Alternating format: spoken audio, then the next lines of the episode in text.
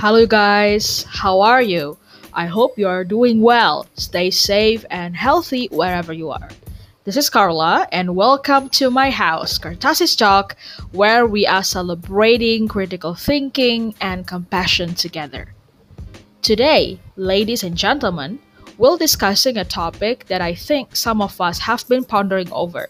Why sometimes people refuse to listen and to attach to their old ways no matter how outdated that idea was, and how shallow the justification for keeping those ideas. Why people hang on belief that don't serve them anymore. Maybe you've seen people out there who refuse to use their mask even in the height of COVID cases by each days. People who hold ridiculous belief in regards to lookicism, colorism, ethnocentrism, ageism, racism, sexism, despite the fact that those poorly stigmatized people might be even better person than they ever could. One fucking word. Why? Alright, before we go further, please take everything with a grain of salt. I am not the mightiest, so please share your opinion and perspective in comment section. Anyway, to answer that main question, the explanation could be from multiple perspectives, like literally there are astronomical amount of psychology theory in cognitive decision making.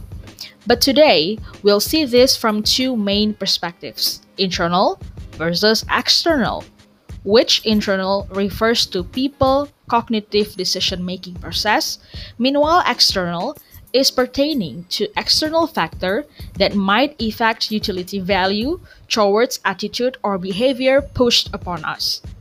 Before we pull through those delightfully nasty scenario, let's listen to this favorite song of mine, I Am Not My Hair by India. Stay tuned. No, it look crazy. I like it. I might do that. Uh, I wouldn't go that far. Good hair means curls and waves. Bad hair means you look like a slave. At the turn of the century, it's time for us to redefine who we be. You can shave it off like a South African beauty. Got it on lock like Bob. You can rock it straight like Oprah Winfrey. If it's not what's on your head, it's what's underneath. And say, hey, I am not my hair.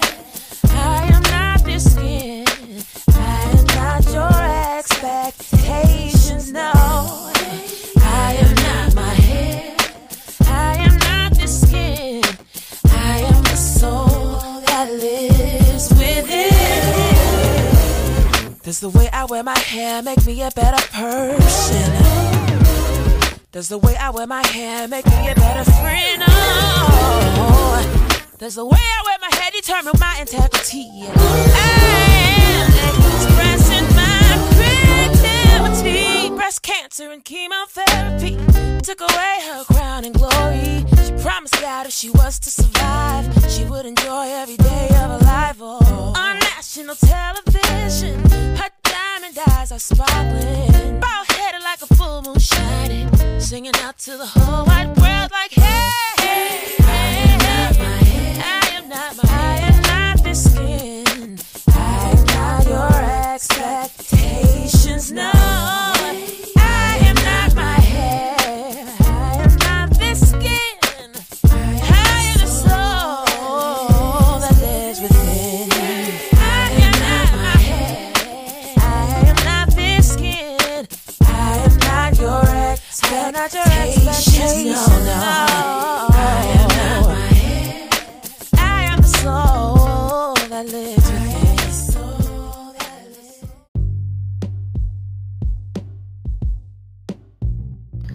Thank you for staying with Kartasis Talk. Well, that song was fabulous. Um, I hope when you listen to this song, you also felt the exact same emotion, like I've always feel. You know, like I've been always feeling whenever I listen to this song. I feel like a hundred percent elevated whenever I listen to that song. Anyways, let's see. Back to the topic. Have you ever felt like being nudgy or too lazy or embraced to admit that you are practically and morally incorrect? For example, people who were not wearing masks.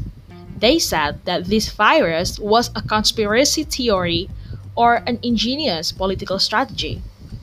Well, there's a concept called cognitive disclosure. Your brain just refused to process deeper concept and decide to stick with the simplest and sometimes the stupidest reason to justify their understanding.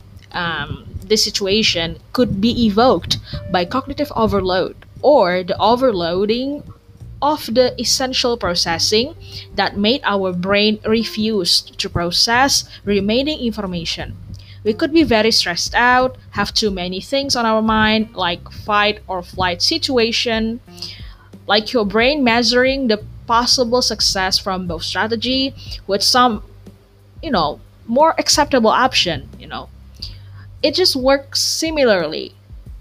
While our brain acknowledge external factor, such as government and society as a catalyst, in whether or not this behavior or attitude should be deterred or reinforced. For example, society already set on this cognitive disclosure situation.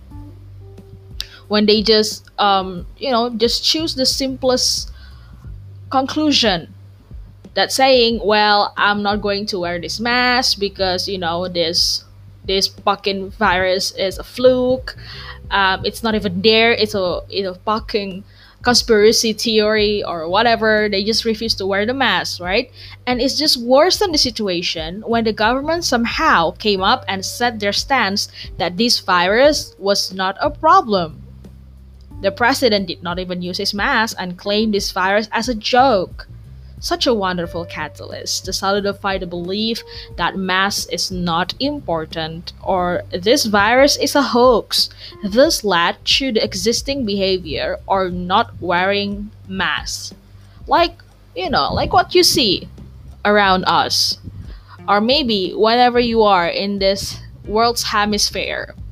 I wish the best of luck for you, but in my area, where I live in Southeast Asia, I live in Indonesia. You you could easily you can easily spot people who are not wearing masks for the exact same reason, you know, because at first, you know, our government did not take it seriously. They they they just what I I've told you before, just claimed that this virus is was not even that serious you know that's why people adopted the exact same stance and look where we are right now wear a mask. All right, sorry for, you know, just just blurting those unnecessary problem on you, but you know, it's our common problem and hopefully we can get just get used to this problem and get over this certain problem. We can definitely free ourselves from this situation right now. Okay, in conclusion is that human is a hella complex being but surprisingly easy to condition, ladies and gentlemen.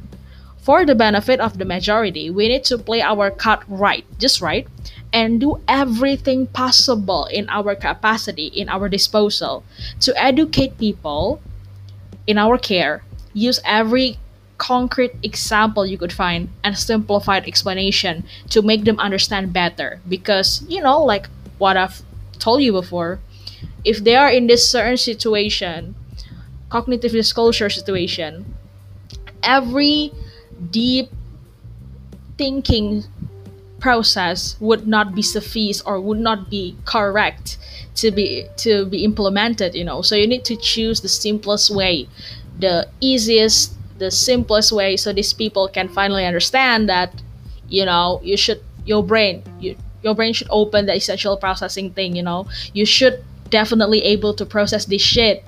I'm sorry, I'm cursing.